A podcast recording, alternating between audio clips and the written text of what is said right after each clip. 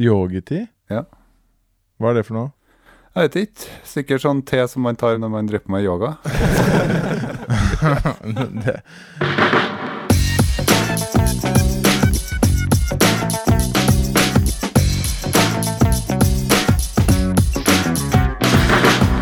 Du hører på Psykologlunsj, populærvitenskapelig lunsjprat med psykologene Tommy, Jonas og Jan Ole.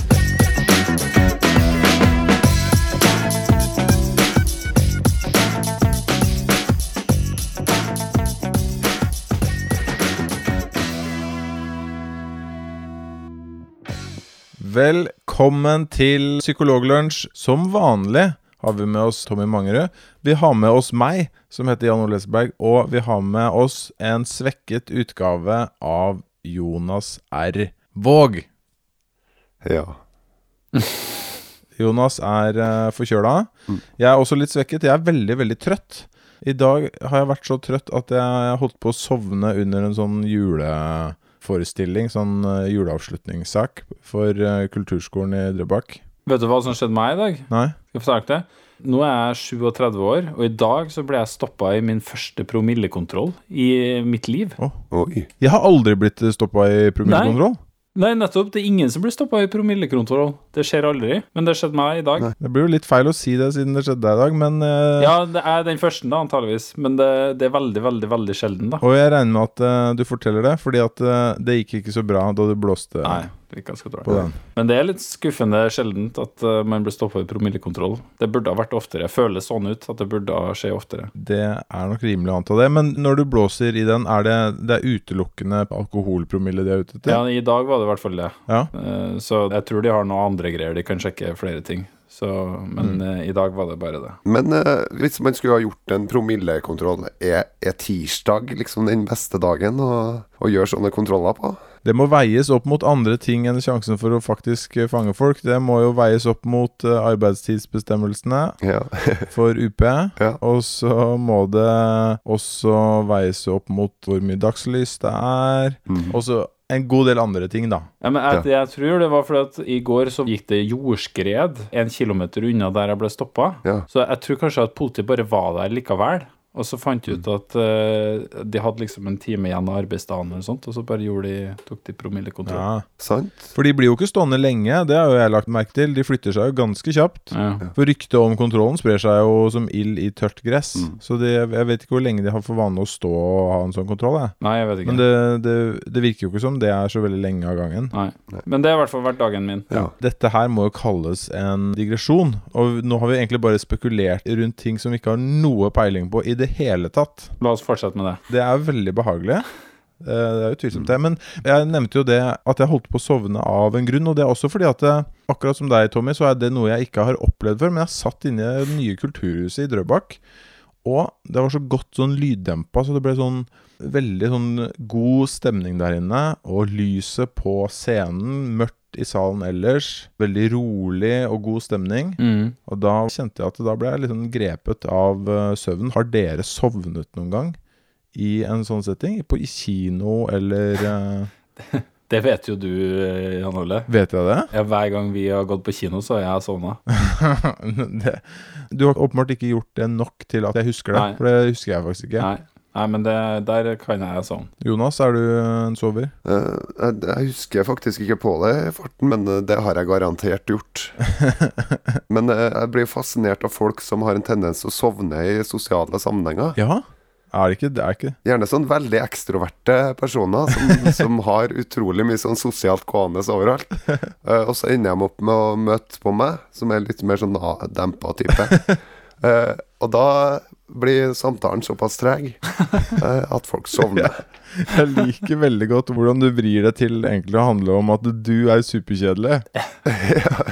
Du, du gir ikke de Du klarer ikke å gi de ekstroverte nok energi til at de holder seg våkne. At de greier å opprettholde bevissthetstilstanden. Det er sånn eh, på Teknisk museum nede i kjelleren der, eh, så er det en sånn sykkel hvor du liksom kan sykle på, og så kan du lyse opp noen sånne lyspærer når du sykler. Og det er liksom Jeg forestiller meg at eh, kraften din, Jonas, den er så svak at den liksom Den klarer akkurat ikke å tenne Den, Sant? den første lyspæra, og da, da slokner de, de ekstroverte. Sånn. Så de trenger i hvert fall liksom tre-fire Jonaser som prater i munnen på hverandre, for i det hele tatt å få sånn glimt av en glød i den uh, glødepæra. De trenger én kilo Jonas. Én kilo Jonas. Det, du trenger 1000 faktisk av Jonas for i det hele tatt å ikke duppe av. Men det beste er jo at eh, vi kunne teste dette her statistisk, fordi at vi har jo streamingdata på hvor gjennomsnitt en episode Hvor lang en episode streames. Og hvis det er sånn at, eh, at episoden sluttes å streames akkurat når jeg hadde ordet i den episoden, så kan det jo være sannsynlig at folk sovna. Det er jo helt fantastisk. Antageligvis så har vi jo mer enn nok data til å faktisk konkludere med hvem av oss som er den eh, kjedeligste. Mm. Så la oss bruke en doktorgrad på det. Ja, du finansierer den, du. Jeg finansierer det. Vi har jo en sånn egen personlig pott som finansierer det. Men vi er jo ikke her for å drodle oss gjennom episoden, selv om eh, det er vår alles eh, våte drøm. Så er det ikke sånn. Vi skal snakke om eh, to tema. Vi har det jo alltid sånn at vi har en hovedsak, og så har vi en uh, nyhetssak. Og for uh, lyttere så er det helt umulig å høre forskjell på hva som er hovedsak og hva som er nyhetssak, og det holder vi ikke helt styr på selv heller. Men i dag så er det i hvert fall sånn at vi har et ganske komplekst tema. Alvor, ikke alvor ja, alvorlig tema, kanskje, men Mm. litt sånn tungt uh, faglig tema. Så har vi et som er litt lettere. Og det tunge faglige, det er håndskriftsanalyse. eller grafologi. Og det litt lettere temaet, det er altruisme. Eller mulig at det var omvendt, jeg blander alltid de to. Men i hvert fall så er det sånn at øh, Jonas, han har satt og titta litt på grafologi, eller håndskriftsanalyse som det heter. Og er det noen sammenheng mellom hvordan vi skriver, og hva slags type personlighet vi har? For det er det jo faktisk en del som mener. Ja. Jeg har laga en eh, liten sånn vignett eh, til akkurat eh, her. Oi! Altså, jeg har ikke laga en vignett, men jeg koka opp en historie som dere kan velge om den er sann eller ikke. da. OK. For noen uker siden så var jeg rydda på loftet. Dere hører jo at den er usann eh, med en gang. Og da fant jeg den gamle russebuksa mi. Og på russebuksa så var det jo sånn at folk skrev navnene sine, gjerne også mye andre type ting som skal forbli usagt. Jeg kan ikke huske at vi skrev sånne ting på russeadressen. Det var ikke sånn til i Idrebakk. Vittigheter, mener du? Det var vittigheter. ja. OK. Å ja. Det en del vittigheter. Okay. Nei, vittigheter, Ja. Ja, vittigheter rundt bakdelen og fordelen. Men på resten av buksa så hadde man gjerne autografer eller navnetrekk. Og det er jo sikkert flere som har hatt russebukse og lurt på det samme som meg. Eh, Er det sånn at uh, måten folk har skrevet navnet sitt på russebuksa, kan gjenspeile personligheten til vedkommende? Ja, ja, som har uh, skrevet det. Eller eventuelt da jeg var på autografjakt som tolvåring på Lerkendal, og fikk uh, spillerne til Rosenborg til å skrive på drakta mi. Og Mini skrev med svære bokstaver Mini over hele drakta, mens de andre skrev liten skrift rundt. Sa det da noe om Minis personlighet eh, kontra de andre, eller var det bare tilfeldigheter? Og da finnes det jo heldigvis et sånt eget fagfelt da, som heter grafologi. Heldigvis for oss alle. som har russebukse liggende, eller som har vært på en fotballbane og bedt om autografer til folk, eller som har en kjæreste som man lurer på hvordan er egentlig personligheten til vedkommende. Få personen til å skrive ned navnet sitt, kjøre det inn til en grafolog og få et svar. Ta på deg den gamle russedressen din. Få kjæresten din til å skrive navnet sitt på russedressen. Send russedressen inn til nærmeste grafolog, som du finner på grafolog.no. Ja, det gjør det. til. Grafologi er studiet av håndskrift og dets forbindelse med psykologiske trekk hos den som skriver. Et ganske omdiskutert fagfelt. Eh, et embetsstudie, det, Jonas? Ja, det er ikke et embetsstudie i Norge, men eh, det finnes sikkert et land som tilbyr det. Jeg tror ikke at Lånekassen støtter det studiet, altså hvis man drar til utlandet og studerer der. Da. Jeg tror heller ikke at ANSA, den uh, foreninga for utenlandsstudenter, har så mye råd og tips til dem som ønsker å ta det studiet. Okay. Men eh, tradisjonelt da, så har grafologien basert seg på mer sånn gammel eller freudiansk tenkning. Miksa med litt astrologi og miks og triks. Og alt mulig sånn. Eh, Tenkt at uh, f.eks. hvis du skriver høye T-er og høye L-er, så er du en intelligent person. Hvis du har lange G-er, så er du veldig styrt av id eller underbevisstheten Ja, din. nettopp fordi det går ned, liksom. Ja, tydeligvis. Det er er ikke mer sofistikert enn det som så, altså. G-en går langt ned i kjelleren, og da, Da er det id, ja. Det er der id prøver å komme seg opp via G-en. Det er veldig, veldig typisk det forbaska iden, altså. Snike seg opp G-en. Men så heldigvis, da, så er det noen som prøver seriøst å undersøke det med navnetrekk, da, og om hvorvidt det har sammenheng med ulike personlighetstrekk. Og da har jeg funnet en studie fra Uruguay. Nei, dere, det, det syns jeg er litt ufint. At, det, at dere bryter ut i latter bare fordi man nevner Uruguay. Antagelig, hvis, hvis de hadde hørt at eh, en eller annen studie Hvis de satt i Uruguay, hvis det er psykologlunsj i Uruguay, tre psykologer sitter og prater nå, og så sier de 'kom en studie fra Norge', da ville de antageligvis også brutt sammen i spontan det er helt latter. greit. Det er helt forståelig. Vi skal ikke glemme at Uruguay vant fotball-VM Nei, nei, i nei, 1930 og 1950.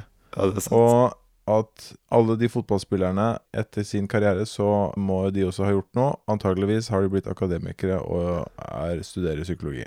Grafologi. Eh, og hva gjør man hvis man vil undersøke sammenhengen mellom eh, hvordan du skriver navnet ditt og personlighetstrekk? Hvilken gruppe mennesker tror du man undersøker da i Uruguay for å finne ut det? Jeg tror de undersøker psykologistudenter som de har funnet utenfor døra si. Ja, riktig.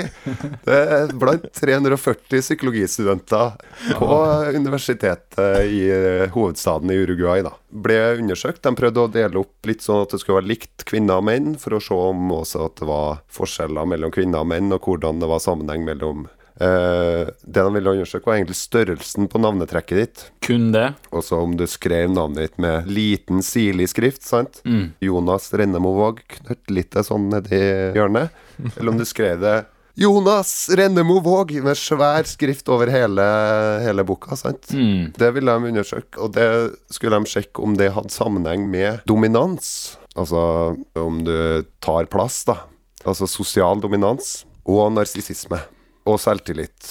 Og aggressiv dominans også. Mm. Så da hypotesen deres da var at eh, hvis du skriver navnet ditt kjempesvært, så bør det ha en sammenheng med at du også har en del narsissistiske trekk. At du er mer dominant som person, og at du også er høyere på intraseksuell konkurranse. Det var også et eh, trekk de undersøkte. Ja. Eh, mens hvis du skriver det med liten skrift, da er det egentlig unnskyld at jeg tar litt plass her på papiret for å skrive. Du tar ikke så mye plass, du har ikke så høye tanker om deg sjøl, derfor skriver du lite. Og da har jeg gått i den artikkelen og så sjekka hvilken type korrelasjoner og sånn de fant, da. Ja. Og de fant forbløffende lite, altså. Nei, det Ja. De gjorde det, men de har et funn da, på at eh, blant hele gruppa på 340 studenter, så var det en sammenheng mellom størrelsen på navnetrekket ditt og sosial dominans. Ah. Og det bruker de til det det er verdt. ja. I artikkelen, ja. Ja, Ja. de gjør det. Mens på narsissisme og det andre, og aggressiv dominans og selvtillit og alle de andre faktorene som de også hadde med da i miksen, der fant Ja. ikke de noen sammenheng. Nei. Det er jo Hvis jeg får lov til å bare undres over det, så høres det ut som de har sjekka veldig mye. Ja. Og så har de fått et napp. Ja. At det kanskje er litt sånn sårbart for det som eh, kalles å fiske etter p-verdier. ja. Et rødt, saftig kirsebær. Ja. ja, det kan være et godt poeng, det, altså. Og så var det Ja. sånn at uh, på narsissistiske trekk, da, så hadde de faktisk et signifikant funn hvis du så blant kvinner. Kvinner som skrev navnet sitt med stor skrift, de hadde tydeligvis da større grad av narsissistiske trekk. Mm. Men hvis man da skal gå gjennom det her i sømmene og tenke litt sånn teoretisk på hvilken betydning det har og sånne type ting, så er det jo veldig rart. Hvorfor skal det være sånn blant kvinner og ikke hos menn, hvis Ja. det da er en reell faktor? Og det samme også med hvorfor skal det være akkurat ved sosial dominans og ikke de andre formene for dominans eller narsissisme eller selvtillit? Veldig snodig. Ja, Så det høres nok ut at her er- trengs det mer forskning, gitt. Men for å ta det litt på alvor, da, akkurat det her med å prøve å finne sånne personlighetstrekk korrelert med spesifikke atferder, så en kan jo også undre seg over hvor mye forskning finnes det egentlig på litt mer sånn åpenbare manifestasjoner av de her type personlighetstrekkene du snakker om, som eksempel Er det sånn at personer som snakker høyt og avbryter andre mennesker, scorer høyere f.eks. på dominans når de tar en personlighetstest? For eh, Bare ta en sånn ting sånn som narsissisme, som er et veldig sånn eh, sammensatt begrep. Som både brukes om personer som tråkker på andre, men som også brukes om personer som har dårlig selvtillit, egentlig, der inne, ikke sant? Sant. Og som overkompenserer med sånne type ting. Så det er ikke sikkert at man er nødt til å gå til de dype G-ene og de høye T-ene for å liksom prøve å undersøke det. Så det har vært litt interessant å bare vite litt mer om hvor stor samsvar er det mellom åpenbare personlighetstrekk og de reelle personlighetstrekkene da, de du viser fram. Ikke sant? Og jeg tenker også at eh, det er sånn at en ting som f.eks. det å snakke mye om seg selv, Mm. eh, å snakke seg selv opp, det er jo helt åpenbart et trekk som er forbundet med narsissisme. Mm. Fordi det rett og slett er en del av eh, Definisjonen, liksom. Ja, ikke sant? Det er en del av definisjonen på narsissisme, så da er det helt naturlig sammenheng mellom det og narsissisme. Men samtidig så er det jo sånn at det er ikke alle som gjør det, som kan defineres som narsissister. For det kan være andre grunner til at man gjør det. Mm. Det kan f.eks. være at man ikke skjønner de sosiale kodene, rett og slett. Ikke sant? Og at man tilhører egentlig en helt annen kategori. Mm. Men at man skjønner ikke de sosiale kodene, og snakker litt for mye om seg selv. Og når man får det forklart, så da syns man at det er, at det er pinlig. Mm. Da syns man at man har dummet seg ut, f.eks. Så selv ikke de aller mest tydelige trekkene, som åpenbart hører sammen med sånne ting, er det veldig lett å si at alltid er knyttet til det. Altså, du kan ikke dømme folk på bakgrunn av det ene trekket. Og da synes jeg litt for ofte at man i psykologien leter etter sånne vanvittige kuriosa som ja, Hvis du skriver de bokstavene på denne måten, så har vi kanskje muligens funnet at det er en svak tendens til at det har en sammenheng med dette trekket å gjøre. Og da blir jo spørsmålet hva i all verden skal man bruke det til? Og det har jo nesten alltid vist seg veldig, veldig vanskelig å faktisk kunne bruke det til noe fornuftig. Man finner noen statistiske tendenser, men man kan ikke bruke det til så veldig mye i den virkelige verden, da. Og, og det der får du egentlig også et sånn stort problem med når du tenker på type sånn big data-forskning. Altså når Facebook begynner å gjøre forskning på, eller publisere ting på sine brukere, f.eks. ikke sant? Altså at personer som legger ut ofte bilder om seg sjøl, er sånn og sånn. Fordi at den gruppa de måler, er så utrolig stor. At bare du har sånne små variasjoner på enormt store gruppenivå, så betyr ikke det at det gjelder alle personer som gjør det. Nei. Hvis du skjønner hva jeg mener, ikke sant? Altså at ja, det ble akkurat det du sa i stad. Ja, du har noen svake tendenser som kan muligens være interessante. Og i tillegg så ser du etter en hel haug med forskjellige variabler. Mm. Og da vil du jo finne noe, men du finner ikke noe som du kan bruke til noe. Du kan ikke sitte i et jobbintervju og ta liksom Ja, det er funnet noe forskning på at de som viser bilder av seg selv i knestrømper på Facebook, Mm. at de har litt grann mer tendens til å være utadvendte. Du kan ikke sitte i et jobbintervju og bruke knestrømpeinformasjonen din Nei. for å si noe om hvordan den personen kommer til å fungere Ja. På den jobben. Knestrømpeinformasjon er helt ubrukelig i den sammenhengen, mest sannsynlig. Det de skal ha kreditt for, dem eh, som har forska på det her, da, er jo at de har undersøka litt sånn funn som har vært gjort tidligere òg. Det ble gjort en studie i 2013 som så på sammenhengen mellom eh, signaturstørrelse og narsissisme. da. De mente at de fant en relativt stor sammenheng mellom dem eh, to. Så at de ikke fant noe i et mye større sample, sånn som de har gjort her.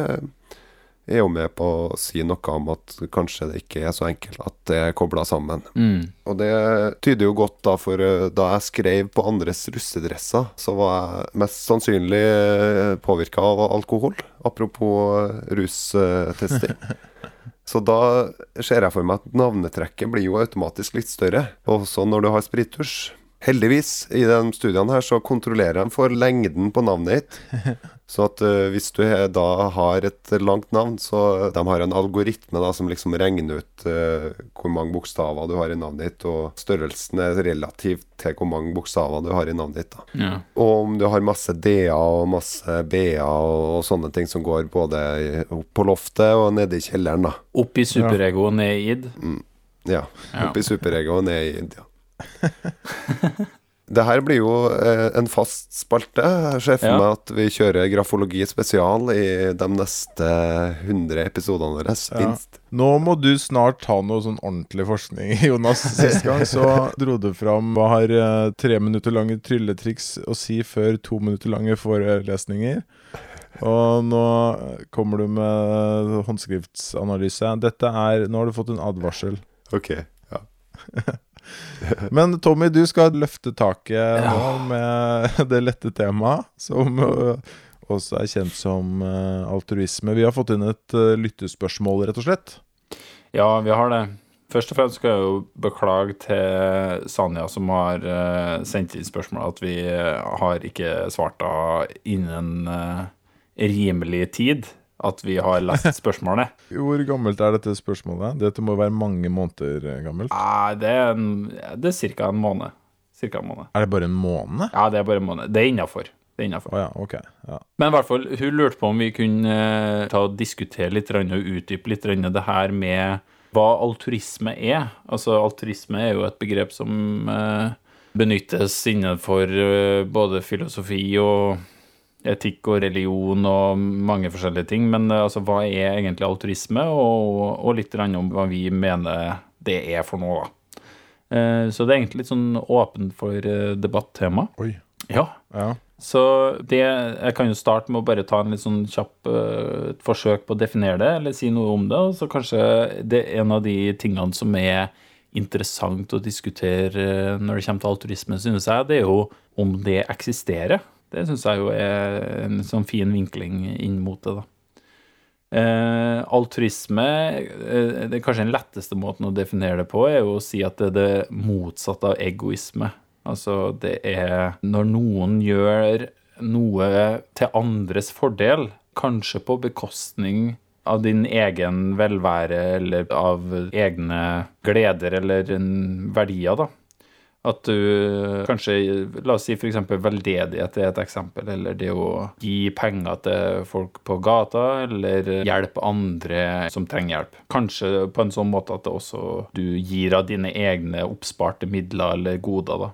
Og øh, det er jo som jeg sier, det er jo kanskje et begrep som berøres innenfor mange ulike deler av vitenskapen, eller deler av øh, Altså at øh, det er noe innenfor filosofi, altså er det en ting som eksisterer, og i så fall, hva har det å si for hvordan mennesket skal oppføre seg etisk godt?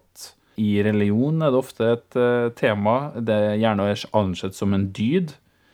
Eh, En kan også se det som eh, noe annet enn f.eks. lojalitet, som er gjerne drevet av sosiale forventninger eh, og plikter, mens det her er tenkt å være noe som er inni mennesket, da. Noe godt som kommer innafra, på en måte. Mhm. Det er jo passe stort tema.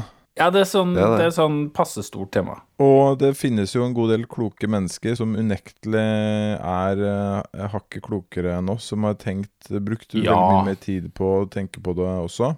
Ja. Men en av de tingene jeg jeg har jo grubla litt på det selv også. En av de tingene jeg tror forkludrer temaet litt, det er egentlig litt sånn tanken om at eh, vi tenker at når vi skal ta sånne vurderinger, at vi setter oss ned og gjør litt sånn kost-nytte-analyser. Ja. Og at eh, vi aksepterer en handling som altruistisk når den kost-nytten blir negativ, på en måte. Sånn ja, eh, skal jeg bidra for flyktningene fra Syria på en eller annen måte?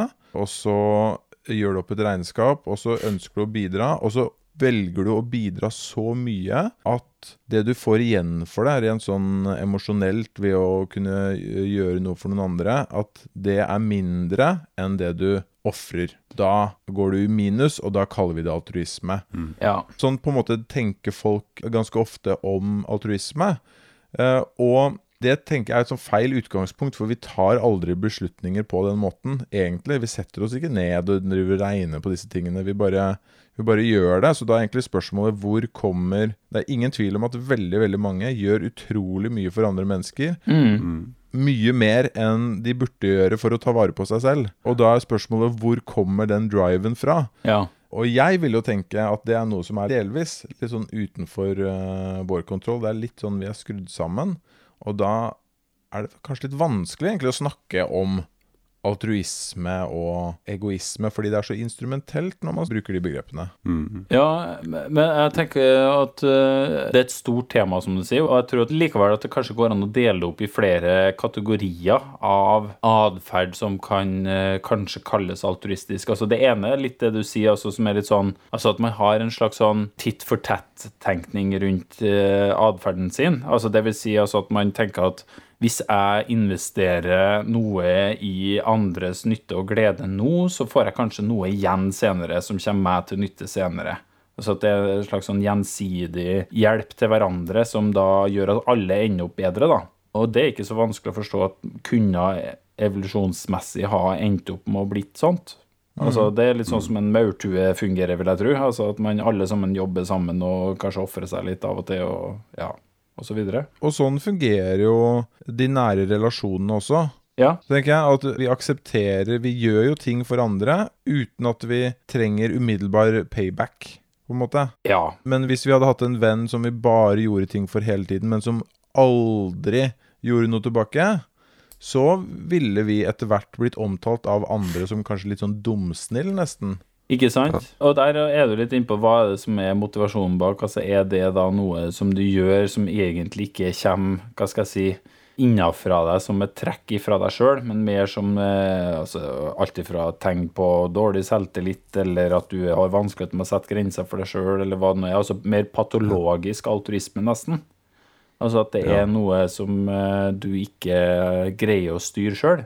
Men så kan man jo si altså, Når jeg sier det der med sånn, mer sånn titt for tett-tenkning altså at eh, Hvis jeg hjelper en å mokke snø i oppkjørselen til naboen, så hjelper han meg med å ta inn posten når jeg er bortreist, eller noe sånt. Altså at man hjelper hverandre. Og det høres veldig sånn snilt og vennlig ut, ikke sant? Og så kan man tenke Hvis et par ute på byen, da, det er på en date, og så gir mannen av sine midler ved å spandere på sin kvinnelige partner drinker, er det det samme, eller er det noe annet? Altså Får det en annen farge, på en måte, den type atferd, eller er det det samme?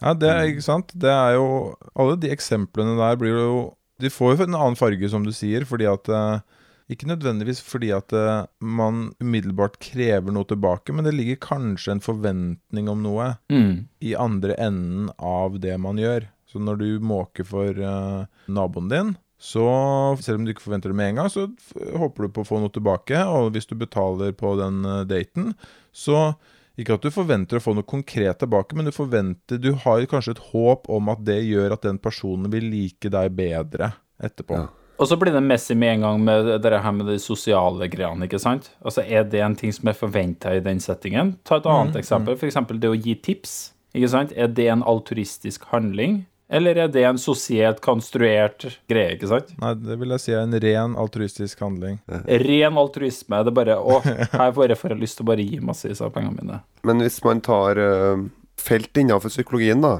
personlighetspsykologien, og ser på hva trekkpsykologien sier om altruisme, så er jo altruisme en del av eh, en av de fem eh, Mm. faktorene i femfaktormodellen, som sier at personligheten vår er delt opp i fem ulike grunnleggende trekk som sier om hvor tilbøyeligheter, eller hvordan vi har en tendens til å reagere på ulike typer sosiale og andre typer situasjoner, da, Mm. hvor vi skal gjøre enkelte typer handlinger. Så har du de fem trekkene, vi har snakka om dem før. Du har eh, nevrotisisme, som sier litt om grad av angst og depresjonstilbøyelighet. Det å tendens til å tenke negativt om deg sjøl, tendens til å ha ustabile følelser kontra stabile følelser. Ekstraversjon kontra det å være introvert. Eh, Du har åpenhet for nye erfaringer kontra det å være veldig tradisjonsbevisst. Og så har du planmessig, altså tendensen til å være veldig organisert og leve opp til samfunnets krav, kontra det å være mer utflytende og mindre planmessig av seg. Og så har du den siste, som er medmenneskelighet, som også har en underdel av seg som er altruisme. da. Ja. Og der, eh, når man snakker om den faktoren, så tenker man, når man har gjort tvillingstudier på femfaktormodellen, så har man sett at eh, ekstroversjon og nevrotisisme mest sannsynlig er to personlighetstrekk som har en større sånn arvelighetsfaktor Mm. ved seg. Mens de tre andre, åpenhet til nye erfaringer, planmessighet og medmenneskelighet, har også en stor del av kulturpåvirkning i seg. da. Så at du kan ha ganske forskjellig, selv om du tar tvillinger som er skilt ved fødsel. Og det andre ved medmenneskelighet er at det kanskje er mer snakk om samarbeidsorientering kontra konkurranseorientering. Sånn at det å vil noen andre vel, og det å ønske om å hjelpe til for andre, handler kanskje om ønsket om å samarbeide, kontra det å ønske om å Eller tanken om å se på andre som konkurrenter i ulike sosiale situasjoner. Så det er ikke nødvendigvis bare den tanken om at den barmhjertige samaritan som ofrer seg sjøl. Det handler mer om at man ønsker å samarbeide om ulike sosiale utfordringer. Ja, for du har jo alt ifra det at det er mye som tyder på at vi er mer selvoppofrende for personer som enten er nærmere oss, f.eks. i slekt. Altså Hvis det er massevis av folk som er i ferd med å drukne i ei elv, så er det liksom det er ganske sånn lett å regne ut hva folk flest, hvem man svømmer først til. Det er liksom sånn hvor mange gener du deler med den personen omtrent. Sånn at eh, dine nærmeste slektninger er de du antageligvis prøver å sette deg sjøl i fare for å redde først. Så du har sånne type ting. Og så har du det her du sier altså at kan det være sånn at enkelte type personlighetstrekk eller enkelte type handlinger er mer sånn konkurransedrevet? Altså, se på meg, jeg er så suksessrik og har sånn overflod av ressurser at jeg kan gi til andre mennesker. Det blir litt sånn påfuglfjær omtrent, ikke sant? Altså at blir man mer attraktiv i en potensiell partners øyne når man da viser at man har så mye suksess på gang i livet sitt at man kan gi til andre. Det er det noen som spekulerer i. Og så er det helt over til den andre enden, som jeg også syns er litt interessant. Det her med Hva med det her at man faktisk føler seg vel med seg sjøl når man gjør gode ting? Altså Man kan tenke å si at ja, en person som donerer en stor mengde penger anonymt. Det er ingen som noensinne finner ut at denne personen har gitt penger til en eller annen veldedig organisasjon, f.eks. Det må jo være oppriktig altruisme. Og der kommer det noen og forkludrer og ødelegger det, ikke sant, og sier det at men det gir en gledefølelse inni seg sjøl, sånn at det er det som er motivasjonen for det. Kanskje. Ja, jeg tror Og så må man jo Man må jo ja, Man må passe seg også litt for å tenke at man må forklare absolutt alle tingene som uh, hvert individ kan finne på å gjøre. Mm. Men jeg har lest uh, en bok som du også på en måte Du refererer litt til kjernen i den boken, Tommy, og du har kanskje lest den selv også. 'The Selfish Gene' Gene' av uh, Richard Dawkins. Som er en biolog som har En av hans første bøker var kanskje hans aller første bok også. Mm. Tar for seg litt det hva er, egentlig hvor hovedtemaet er altruisme. da, hva er hvor kommer det fra, hvorfor har vi det? Og da, fordi biologisk sett så gir det ikke sånn kjempestor mening at vi skal ofre oss selv for I hvert fall ikke for helt fremmede Mm. individer. Og hans, for å gjøre det veldig veldig enkelt, og her er mulig jeg trår feil, altså, fordi det er ganske mange nyanser i dette Hans hovedargument er vel, sånn jeg har forstått det, at det er jo ikke Vi trenger ikke nødvendigvis se på mennesker som altruistiske eller egoistiske. Vi består av noe annet Mm. som har blitt selektert, da, og som har vært under press fra evolusjonen, og det er genene våre. Mm. Og de har som mål å på en måte Ikke mål, ikke noe sånn innebygd mål, men de, de tilpasser seg jo miljøet. Det er de som har som mål å kopiere seg selv og spre seg. Mm. Og hvis den beste måten å gjøre det på, er å ende opp med en organisme som er oss mennesker, som er superaltruistisk og som tenker lite på oss selv, eh, og det fører til at disse genene blir kopiert, da er det på en måte et resultat av egoistiske gener, da. Mm. Så korriger meg gjerne, Tommy. Hvis, Ja, eh, nei, jeg, jeg har forstått det litt inn på det samme. Altså, man kan ikke tenke på nødvendigvis den enkelte individs Man kan ikke alltid, i hvert fall, tenke på det enkelte, ifølge Dawkins og den boka, at man kan ikke tenke på det enkelte individs ønske om å reprodusere seg og sine private, personlige gener. Men det er mer det at vi har menneskearten og kanskje mindre konstellasjoner eller mindre grupper av ulike mennesketyper. Kanskje en familie, for eksempel, ikke sant? De genene vil gjerne De har lettere for å tilpasse eller vil øh, gjøre øh, det er så vanskelig å snakke om de tingene her uten at man prøver å legge en sånn innebygd motivasjon og et ønske i gener.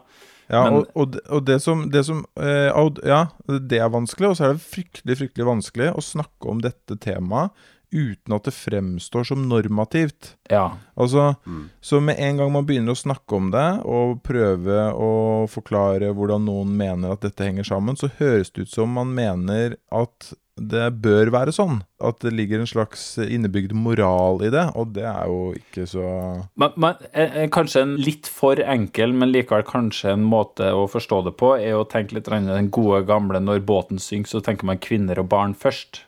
Hvorfor det, ikke sant? Altså Det er det her med at de å eh, hva skal jeg si, sikre framtida til den gruppa som er på båten, ikke nødvendigvis den enkelte personen som skal albue seg fram, ikke sant? Altså det er av og til at det kanskje da finnes Ja, og så er det et spørsmål er det altruisme, ikke sant? Når du da avstår for å gå i livbåten for å la kvinner og barn gå først. Eh. Vanskelig, vanskelig tema med veldig mange fasetter, altså. ekstremt vanskelig tema, men jeg vil jo absolutt anbefale alle å lese The Selfish Gene av eh, Richard Dawkins. Hva heter den på norsk, egentlig? Jeg tror det heter det egoistiske genet, hvis jeg ikke tar helt feil. Ja, det gjør kanskje det. Ja. Ja. Mm. Det finnes jo i alle mulige varianter, både på Kindle og eh, i papirform, og som lydbok eh, også. Ja, det gjør det. Eh, Jeg har ikke noe, noe bedre sånne mm, tydelige konklusjoner å slå i bordet med enn eh, akkurat eh, å åpne opp for en sånn diskusjon, eh, kjære Sanja. Så får håpe at det er tilfredsstillende i seg sjøl. Da foreslår jeg at vi runder av denne episoden med Psykologlunsj. Vi avsluttet med et lett og ledig tema. Neste gang så skal vi gjøre det mye enklere, for da skal vi snakke om hva er meninga med livet. Ja, da skal vi gjøre unna den. Men før vi avslutter nå, så tenkte jeg kanskje å bare kaste ut et lite, eh, lite agn der. Bare for å sjekke egentlig litt eh, responsen på det. Men neste år så kommer vi, hvis vi fortsetter sånn som vi har gjort, til å nå 100 episoder med Psykologlunsj. Skal vi ha valgspesial? Ja, da skal vi ha en eh, supervalgspesial. Ja, det er jo rundt valgtider, men vi skal ikke ha noe valgspesial da. Men vi kunne kanskje tenke oss å ha en markering av det på en eller annen måte. Vi hadde et liveshow i eh, fjor, var det vel, faktisk. Eh, I Det var kanskje fjor. Tommy tenker, men det var Ja, det. tror det var det er over ett og et halvt år siden. Mm. Så ja. Nei, men det syns vi var ganske gøy, så vi kunne tenke oss å lage et liveshow, en episode nummer 100. Til det så kunne vi tenke oss kanskje å ha noen som snakket om uh, psykologi utenom oss, som var en del av uh, en litt sånn helaften i psykologiens uh, navn. Og vi tar gjerne imot ideer på hva det kan være, og vi vil veldig gjerne også ha litt hjelp, for dette er jo et lite dugnadsprosjekt. Så hvis du er av den altruistiske typen, så kan du ta kontakt og si at ja, jeg kunne godt tenke meg å bidra til Live Psykologlunsj nummer 100. Ja, alle psykologistudenter i eh, Trondheim, Oslo, Bergen, Tromsø og alle andre byer som studerer psykologi. eh, Tenk nøye gjennom om det er noe de, eh, som er interessant å diskutere. Ja, vi vet jo at det er mange psykologistudenter eh, som hører på. Vi har snakka litt fram og tilbake om hvor vi kunne tenke oss å ha det. Vi lekte litt med tanken på Oslo nå, Ja. siden vi har vært i Trondheim eh, Det har vært gøy. eh, ved et par anledninger. Men vi er åpne for alle mulige forslag, så hvis dere i Tromsø går helt bananas og ordner eh, absolutt alt for oss, og gir oss eh, fotmassasje i tillegg, så skal vi selvfølgelig vurdere å flytte hele kalaset til eh, Tromsø. Ja. Er du med på det, Jonas? Ellers så har det jo kommet et nytt spisested på Aker Brygge som heter Rorbua. Som er helt likt Rorbua i Tromsø. Eh, Så et godt eh, sånn felles multiplum da kunne jo vært å ha hatt det på Rorbua på Aker Brygge. Beskjeden forespørsel fra Jonas der. eh, Aker Brygge. Å beskrive en Rorbua-kopi som ligger på Aker Brygge som minste felles multiplum, det Det vet jeg ikke helt om er riktig. Uansett, ta kontakt hvis dere har noe innspill til dette. Og så høres vi igjen om ca. to uker.